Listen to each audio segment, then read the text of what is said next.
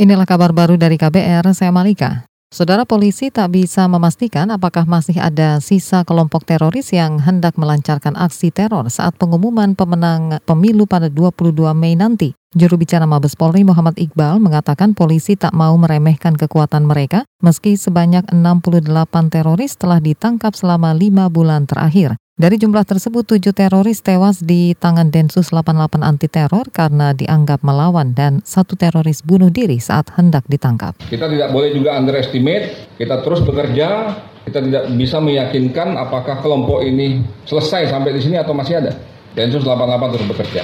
Dalam konferensi pers hari ini, juru bicara Mabes Polri Muhammad Iqbal menunjukkan video kesaksian salah satu tersangka aksi teror yang berhasil ditangkap. Tersangka berinisial DY itu mengaku mengincar kerumunan massa pada momen pengumuman pemenang pemilu di KPU untuk melancarkan serangan teror. Iqbal meminta pada hari itu masyarakat tak turun ke jalan. Pasalnya aparat maupun masyarakat bisa menjadi target teror.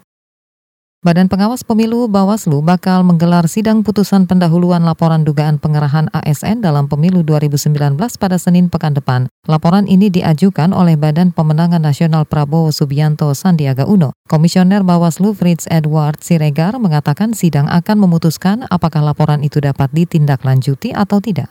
Karena TSM kan bisa berbagai sisi yang bisa bisa bagi lihat. Bisa dari segi ASN-nya bisa lagi dari mana politiknya bisa di, dari segi uh, hal yang lain. Jadi uh, semua itu menjadi bagian daripada uh, pelaporan uh, terhadap pelanggaran TSM. Sebelumnya, BPN Prabowo Sandi melaporkan dugaan pengerahan ASN untuk memenangkan paslon Joko Widodo Ma'ruf Amin. BPN mengklaim dugaan kecurangan itu berlangsung terstruktur, sistematis, dan masif. Atas klaim ini, BPN menuntut Jokowi Ma'ruf didiskualifikasi dari pemilu.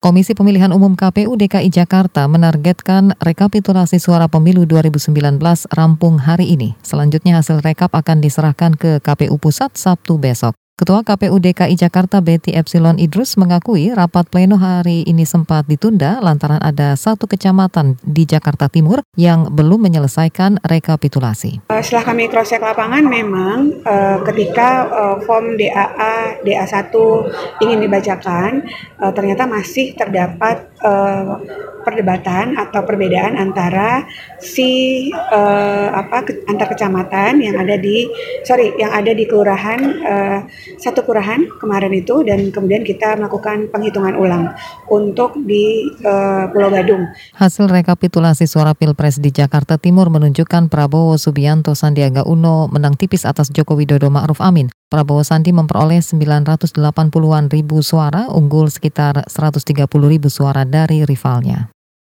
Pemerintah memutuskan untuk menutup gerbang tol Cikarang Utama atau Cikarut mulai Kamis 23 Mei 2019. Hal ini dilakukan untuk memperlancar lalu lintas di ruas tol Jakarta Cikampek. Kepala Badan Pengatur Jalan Tol BPJT Danang Parikesit mengatakan gerbang tol atau GT Cikarut selama ini menjadi titik kemacetan, terlebih dengan adanya pembangunan proyek infrastruktur. Pintu tol akan dipindahkan ke GT Cikampek Utama dan GT Kalihurip Utama kondisi saat ini itu uh, cukup tinggi sehingga kita harus melakukan upaya untuk mengurangi hambatan pada pintu-pintu tol yang itu dikhawatirkan uh, memberikan dampak terhadap kinerja dan pencapaian survival minimal jalan tol sendiri. Kepala BPJT Danang Parikesit menambahkan pemindahan GT Cikarut ditargetkan rampung sebelum arus mudik lebaran. Ia memastikan tak ada perubahan tarif tol akibat kebijakan ini. Demikian kabar baru dari KBR, saya Malika.